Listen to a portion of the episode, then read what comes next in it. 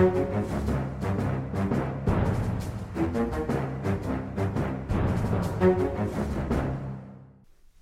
uke, ny Aftenpodden. Jeg er politisk journalist Lars Glomnes. Vi skal seinere ha med oss politisk redaktør Trine Eilertsen som vanlig, og kommentator Thomas Bo Hornburg. Men vi starter ukens podkast med en prat med økonomiredaktør Ola Storeng. Han er på plass i Hellas, og jeg snakket med ham litt tidligere.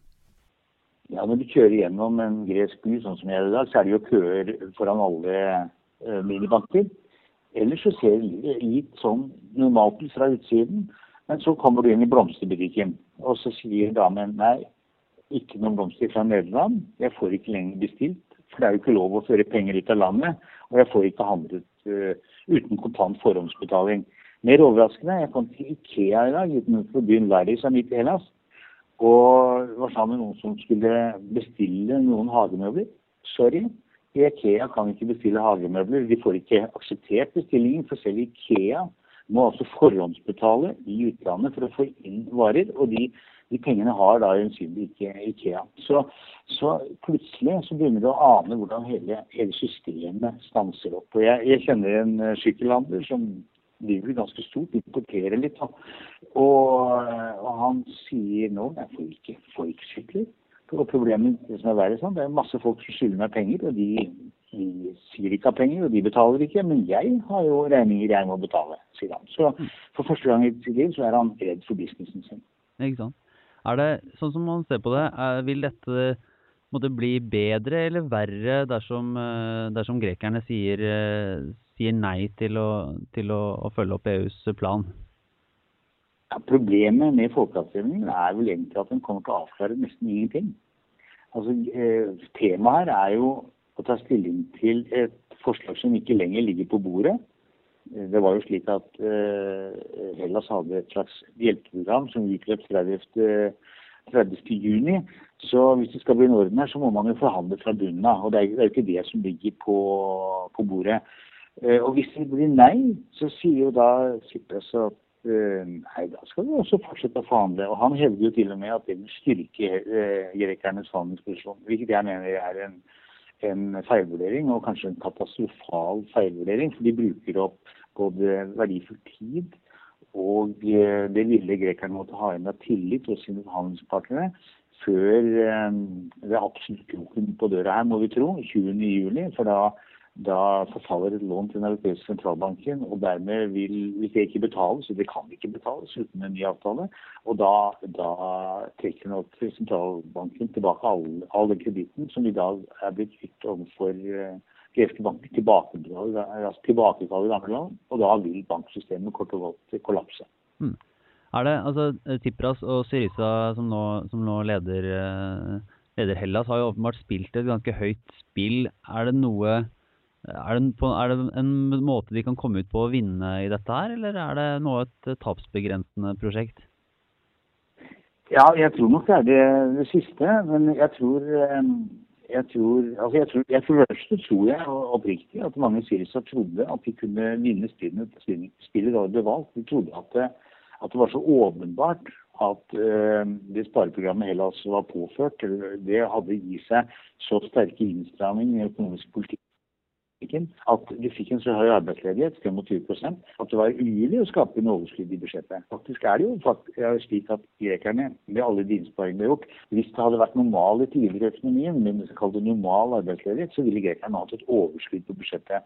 Så deres svar var å de ba om friere tøyler for å skape mer fart i økonomien og større, og større skatteinntekter. Men, eh, men, der gjorde de opp eh, der gjorde de opp regningen verdt. De tenkte også en, en gjeldslette for å få det til. Og det er jo et eh, hva skal jeg kalle det, en medisin som ikke er medisinskrivende til EU. EU har jo ikke mye av et system for å hjelpe land som kommer i, i krise. Og det systemet de har, det vil altså ikke Syriza innordne seg. Det har det de utfordret. Og dermed blir det en slags en, en systemkonfrontasjon hvor eurolandene er veldig opptatt av å holde fast på hvordan krisen skal løses. Det er lån i motytelse mot reformer og innstramminger på budsjettet. Og de vil ikke at det skal spre seg et rykte, verken i um, Spania eller Italia eller Portugal, eller for den saks skyld i Tyskland, at uh, skattebetalere i Nord-Europa er klar til å gi land som har mottatt kriselån, lettere vilkår. Derfor er det nå et beinhardt spill hvor, uh, ja, hvor, det er, hvor, det er, veldig vanskelig å se en positiv utgang. Hmm. Det mange lurer på, er jo i hvilken grad det er mulig for et land å gå konkurs. Og så er det, og det pekes på som måte, et, et, mulig utfall, eller i hvert fall noe mange lurer på. Og, kan du kort forklare hva uh, går det an? Hva, hva kan skje? Altså, land kan ikke gå konkurs, uh, i hvert fall ikke i den forstand som vi snakker om bedrifter kan gå konkurs. For når bedrifter går konkurs, så gjøres jo boa opp, og all gjeld forsvinner. Det er ikke sikkert at de som er utlånende, får så veldig mye betalt. Men da settes jo en, en strek. Slik er det ikke for, for land. På den annen side så er det jo slik at land de pantsetter heller vanligvis ikke noe for å, å, låne. Men når vi da snakker om konkurs om land, så er det fordi at land ikke overholder de betalingsforpliktelsene som de har, altså ikke betaler renter eller avdrag etter planen. Og da svarer jo det internasjonale kapitalmarkedet med å si dere får ikke mer lån.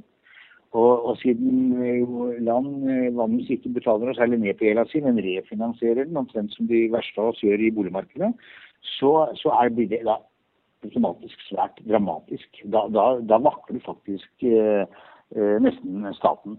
Så det er problemet. Og eh, i, i Hellas tilfelle så er det jo på en måte nesten enda verre i den forstand at eh, et hvilket som helst annet land, tror jeg, som ikke har vært medlem av eurosonen, ville havnet i gjeldsforhandling med sine kreditorer.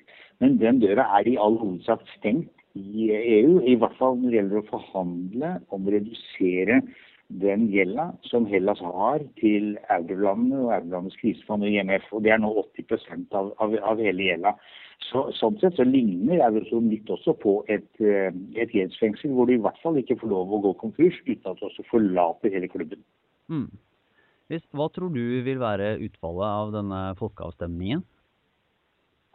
Eh, meningsmålingene har jo vist et flertall for nei, altså støtte til statsministeren. Flertallet er blitt mindre de, de siste dagene, og jeg tror det vil fortsette å skrumpe. Så jeg ser jo ikke bort fra at det kan bli eh, nokså nok jevnt. Men jeg er eh, overrasket over eh, Ja, jeg snakker med folk som jeg ville ventet skulle svart ja, men som likevel stemmer nei. De er så forbitret over den eh, sparepolitikken som har brakt denne store arbeidsledigheten, i hvert fall medvirket eh, mye til den. Og, og, og, de kjøper, mange av dem, Sipras argument om at eh, det er EUs skyld at eh, bankene har stengt. Ja, for de mener at, at, eh, at de andre landene og, og, resten av verden måte, i, egentlig burde ha skjønt mer da, og var uansvarlige långivere Eh, og så i etterkant har helt... påtvunget et, et, et, eh, usolidarisk hardt regime som gjør at grekerne tar hele, hele oppgjøret, ja, og, og, utlånerne ikke får, eh, får, tatt noe av straffen, holdt på å si. Det er helt riktig. Pluss det er et tredje moment. I den avsluttende fasen mens vi sitter og forhandler, så plutselig så slutter altså Den europeiske sentralbanken å gi og øke utlånene til greske banker. Og dermed blir det plutselig dramatisk når da kundene kommer og tar ut eh, pengene. Da, da får man også et uh, slips rundt halsen som, som uh, strammes til, og, og bankene må, må, stenge. Så jeg må jo si at jeg selv ikke var noe som helst overrasket over at dette ville skje. For, for EU har vært klare, altså harde og klare og systematiske. Sånn at når grekerne, hvis de skulle holde folkeavstemning, så burde de gjort det mens det ennå var lang tid frem til at uh, de siste fristene for å få mye penger uh, utløp. Nå gjorde de det på overtid. Det er vel slik at I gjestespråk så tror jeg ikke uttrykket fem på tolv eksisterer. Men det er, ja, det, er, det er, omtrent der man var. Hva ville, ville, du si er det beste nå for Hellas? Er det, er det et ja eller er det et nei? Åh, det er, det er et kjempespørsmål. Eh, hvis du hadde stilt spørsmålet kall for noen måned siden, så ville jeg sagt at eh, det går an å føre en debatt med argumenter for at Hellas i et litt lengre perspektiv kunne være tjent med å gå ut av eurosonen. Men egentlig burde det ha skjedd i så fall for flere år siden. For nå, nå har de tatt den alternative bitre medisinen med innstramming som har skapt den høye arbeidsledigheten, også med som har vært bevisst, også for å få med lønningene og sjela skulle bli mer konkurransedyktig. Så i 2010 hadde det vært, det vært lettest å si at man burde gått ut av eurosonen, og kanskje også for en stund, eh, en stund siden. Men hvis det da var planen, så måtte det jo faktisk foreligge en plan for å minimere det kaoset som uunngåelig eh, vil oppstå ved en slik overgang. Mens nå ser det ut som at vi får kaoset uten at det er opplagt at vi får eh, overgang til euro. Og i hvert fall så får vi ikke hvis vi skal tro på Tsipras. Jeg tror personlig at dette vil ende med, hvis ikke skjer det, som ikke er noe lenger, er helt skjønne hva er. Eh, nå forutsetter jeg et nei i folkeavstemningen, med at staten her vil gå eh, tom for penger. Eh, vil ikke greie å betale lønninger og pensjoner i løpet av skal vi si, slutten av juli. Ja. Og i tillegg får det en bankkrise. Så jeg er redd for at vi får en veldig urolig periode. Og jeg skjønner nesten ikke hvem som skal danne en ny regjering hvis det blir et slikt utfall. Hvis det blir et ja-flertall, så vil regjeringen formodentlig gå av. I hvert fall kommet med uttalelser i i den retningen. Og Da må det dannes en ny regjering. Og den nye regjeringen må komme til enighet med kreditorene i løpet av ganske få uker, med mindre det blir noen ekstraordinære utsettelser. Og det skal man kanskje ikke se bort fra med et slikt utfall. Men det blir veldig tungt. Nå har jo de fleste partier prøvd å være med i slike regjeringer. Og enhver regjering her nå skal da fortsette med som kanskje blir hardere enn en før. Du kan tenke deg en, en situasjon hvor kall det i norsk sammenheng, hvor et, en regjering måtte påta seg å gå løs på alle partiers hjertesaker. altså Uhjelpen øker formuesskatten, halverer landbruksstøtten, øh, kutte dramatisk i samferdselsbudsjettet, gjøre alle disse tingene på en gang. Og så samtidig basere seg på et lite knapt flertall i parlamentet. Hvor lenge kunne en slik regjering eh, leve? Og Det er jo problemet med denne, denne politikken, som, som, er en slags konsekvens av at selv om, selv om eh, Hellas får egentlig ganske en svært lav rente på mange av lånene sine. Så lenge ikke gjelda blir gjort opp, så skyves dette her forover og forover. Og dette, dette spillet gjentas og, og, og, maser i stykker de politiske partiene som tar, tar, på seg ansvaret for å gjennomføre denne innsparingspolitikken. Så om det går bra, bra, nå, hvor lenge går det bra? Jeg, jeg, eh, vet ikke. Jeg tror bare at det har kommet en forferdelig vond spiral hvor, hvor, det blir veldig vanskelig å snu utviklingen. Og hvor uansett vil få flere vanskelige år før, eh, før, det virkelig kan bli lys i tunnelen. Og det gjør jo helt ekstremt eh, vondt, særlig for de foreldre som har eh, unge mennesker i, i huset. Men, men, de fleste sulter jo ikke. Det, det, ikke. det er ikke det som er problemet. Men problemet er jo at økonomier er vanskelig å styre. Hvis jeg kan få bruke et bilde jeg tenker meg Hellas hadde jo kjempegode år fram til 2007-2008.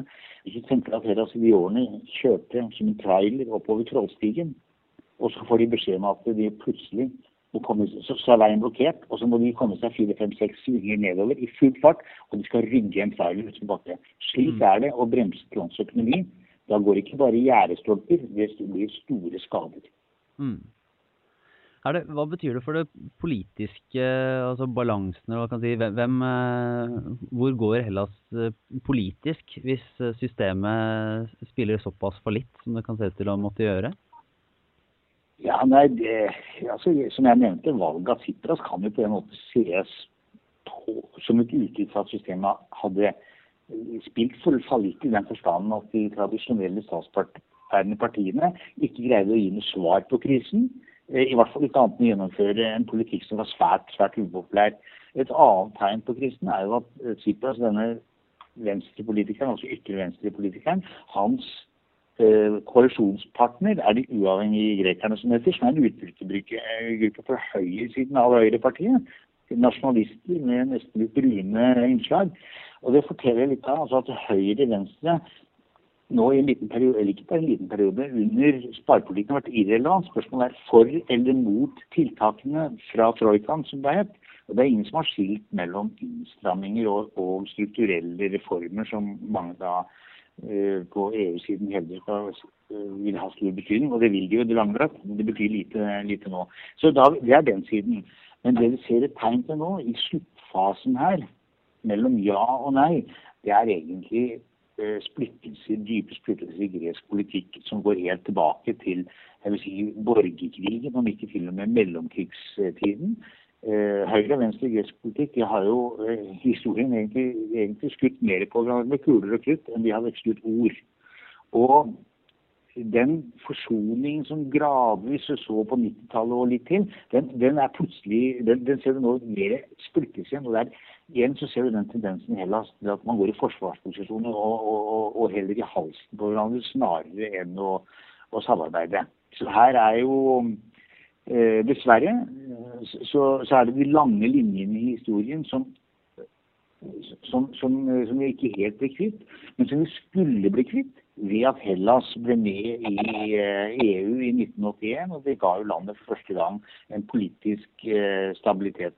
Men så viste det seg altså at den eh, økonomiske og monetære unionen det ble a bridge too far, som det heter på engelsk. Det var et skritt altfor lenge. Det plutselig forandret EU-medlemskapet fra en stabiliserende gave til en økonomisk bombe ved at nordeuropeiske finansinstitusjoner fikk lånt ut penger, og grekere, ikke bare private, men i Hellas tilfelle også da staten, det er her Hellas skiller seg ut, tok for seg så det holdt. Så de hadde jo et fenomenalt, fenomenalt budsjettunderskudd i 2008-2009 og en svær gjeld. Eh, et, så de har satt to rekorder. Først i å bruke penger, og etterpå i å spare penger. Eh, men sluttresultatet er både økonomisk og politisk at vi nå sitter fast i hengemyr. Hmm. Ja. Nei, det, jeg tror vi får, eh, får runde av eh, der for eh, denne uka. Men det blir jo interessant å følge videre, og det kommer jo definitivt ikke til å blåse over med, med de neste dagene. Så vi satte pris på at du hadde muligheten til å bistå oss her, Ola. Så får du ha en fortsatt Takk for det. Bare, bare, bare hyggelig. Ja, så skal vi skal, prøve, vi skal prøve så godt vi kan, selv om det tærer, det tærer på humøret her. Det er vanskelig å snakke med venner og, og bekjente, kort og godt. Ja, ja, det kan vi forstå. Ja, men eh, Supert, Ola. Eh, fortsatt eh, god sommer og godt opphold. Så fortsetter vi her i, eh, i Oslo. En av de tingene som har, har, vært med oss helt siden valget i 2013, har vært spørsmålet om søndagsåpne butikker. Og det har vært et borgerlig løfte. Men fortsatt er det sånn at man på søndager bare i et begrenset antall butikker kan gå inn og handle. Og, og det er tilsynelatende lite som skjer, og mye motstand. Uh, Thomas Bolenburg, hvordan ser du på denne saken inn i sommeren? Det er jo ofte sånn at det er noen politiske saker som lever inn i sommeren, som blir uh, sommersakene. Og denne saken kan bli sommerens sak, eller en av de. Uh, de har brukt lang tid på å få avklart dette på borgerlig side, og det er fortsatt ikke avklart.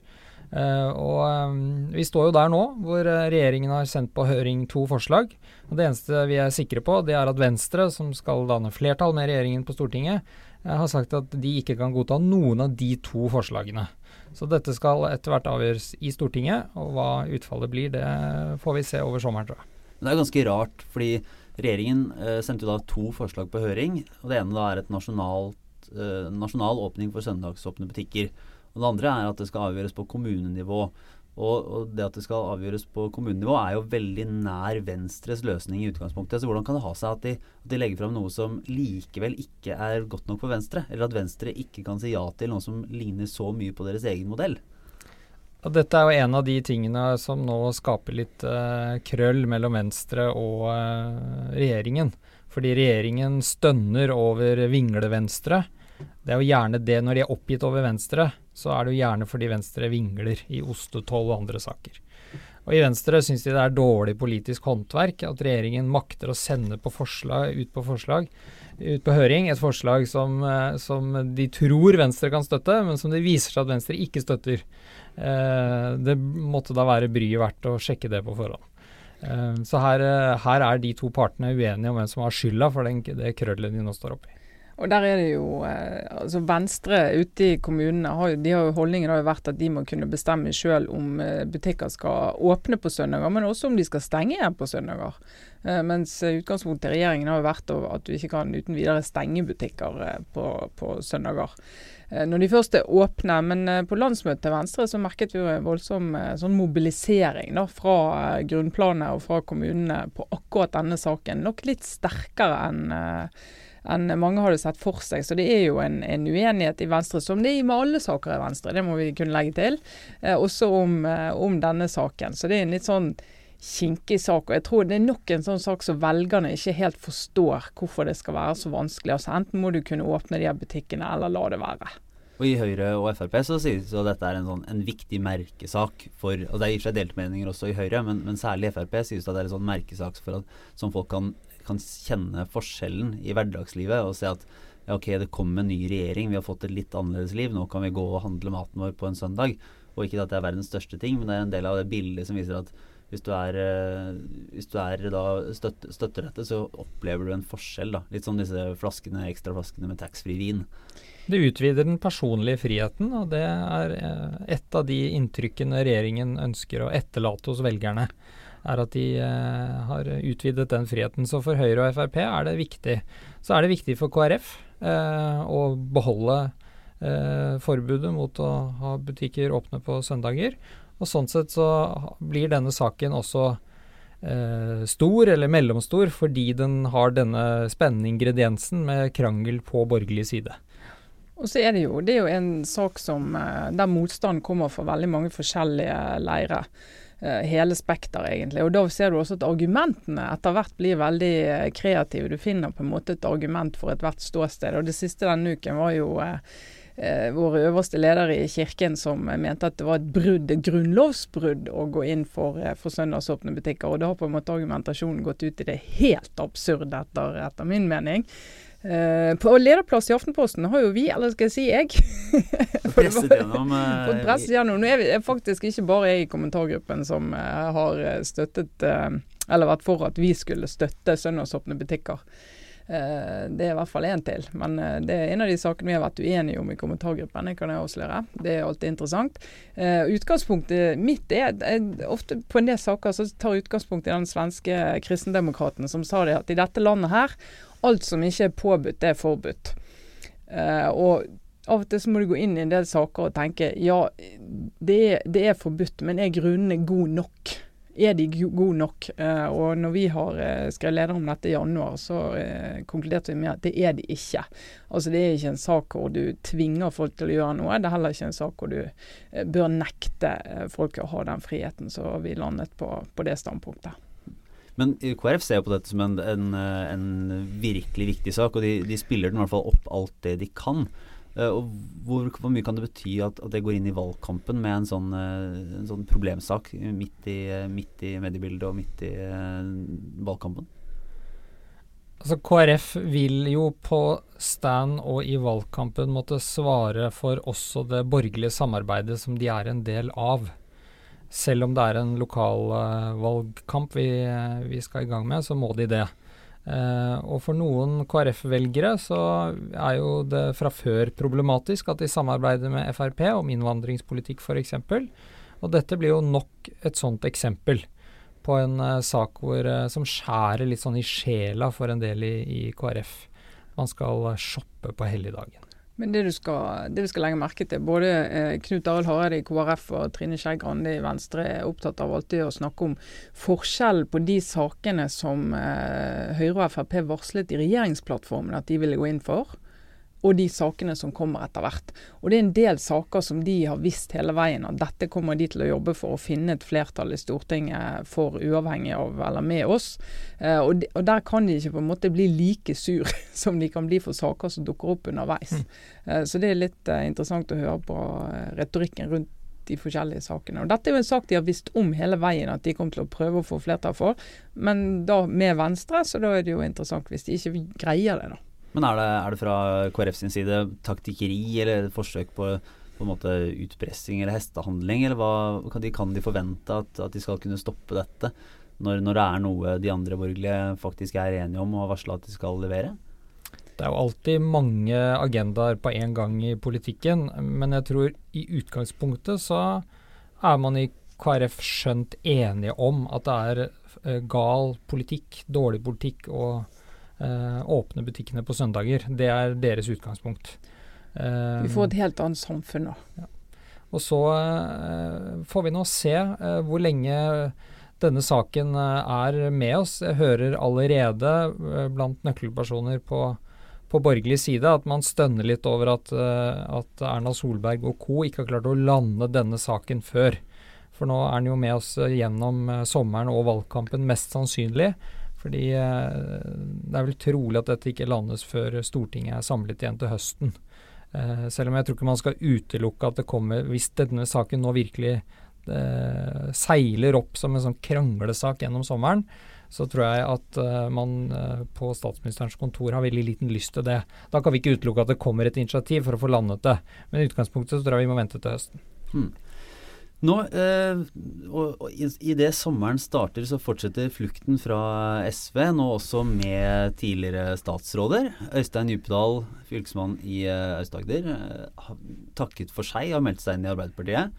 Eh, tenkte vi kunne koble det på et, eh, et godt, men ubekreftet rykte eh, nå på, på, tampen av denne sendingen. For det, for det, er vel at det var jo en beskjed som både rystet litt, i den forstand at en statsråd, tidligere statsråd hoppa av.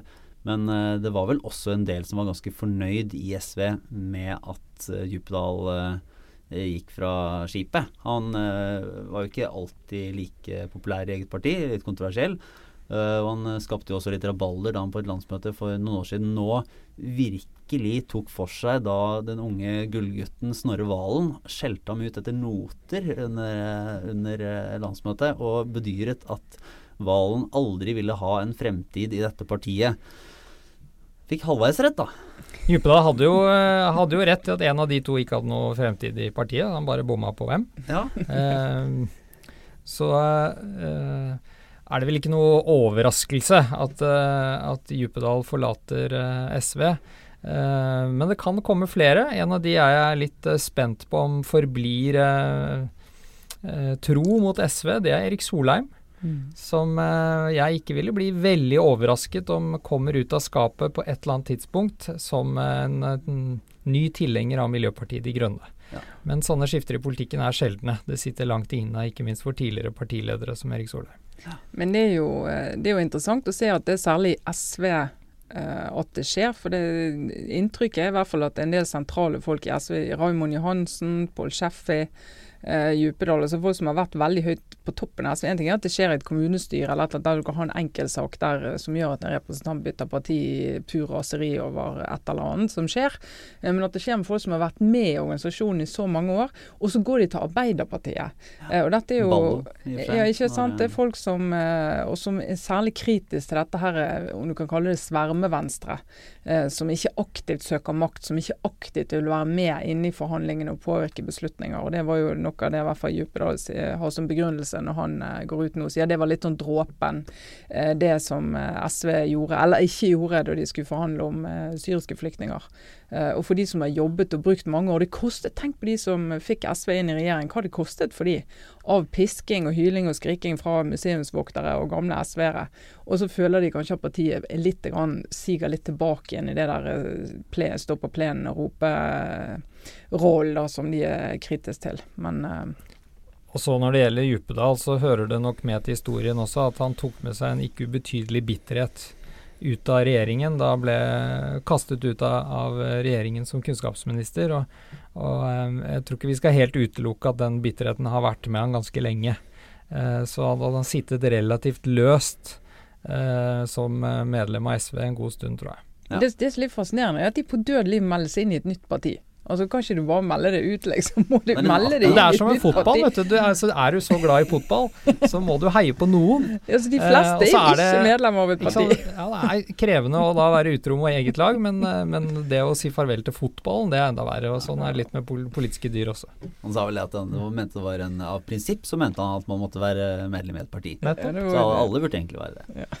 Men eh, vi kan vel egentlig med det avslutte ukens eh, podkast. Og så kan vi jo si god sommer til, eh, til si hverandre og alle andre. Men det kommer nye podkaster gjennom hele sommeren. Vi har noen fine gjester gjennom sommeren som kommer til å snakke om både politikk og politikk og underholdning og ja, I det, i det meste hele tida. tatt Ting vi syns er interessant. Og når uh, dagsorden ikke tvinger oss til å snakke om det, de store nyhetene, så kan vi heller nerde litt på annet som er moro.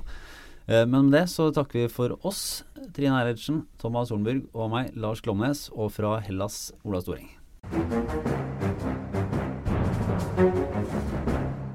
Ja, så kan vi ta med en liten ekstra beskjed. Hvis du hørte på podkasten denne uken i iTunes, så kan du jo også gå inn og abonnere. Da får du den neste utgaven rett i telefonen din uten å måtte gjøre noe som helst. Eh, Det gjør du ved å søke på Aftenpodden i eh, iTunes-søkeren, og så er det bare å trykke på abonner og vente på neste utgave. Gi oss også gjerne en stjernerating i iTunes hvis dette er noe du vil anbefale til andre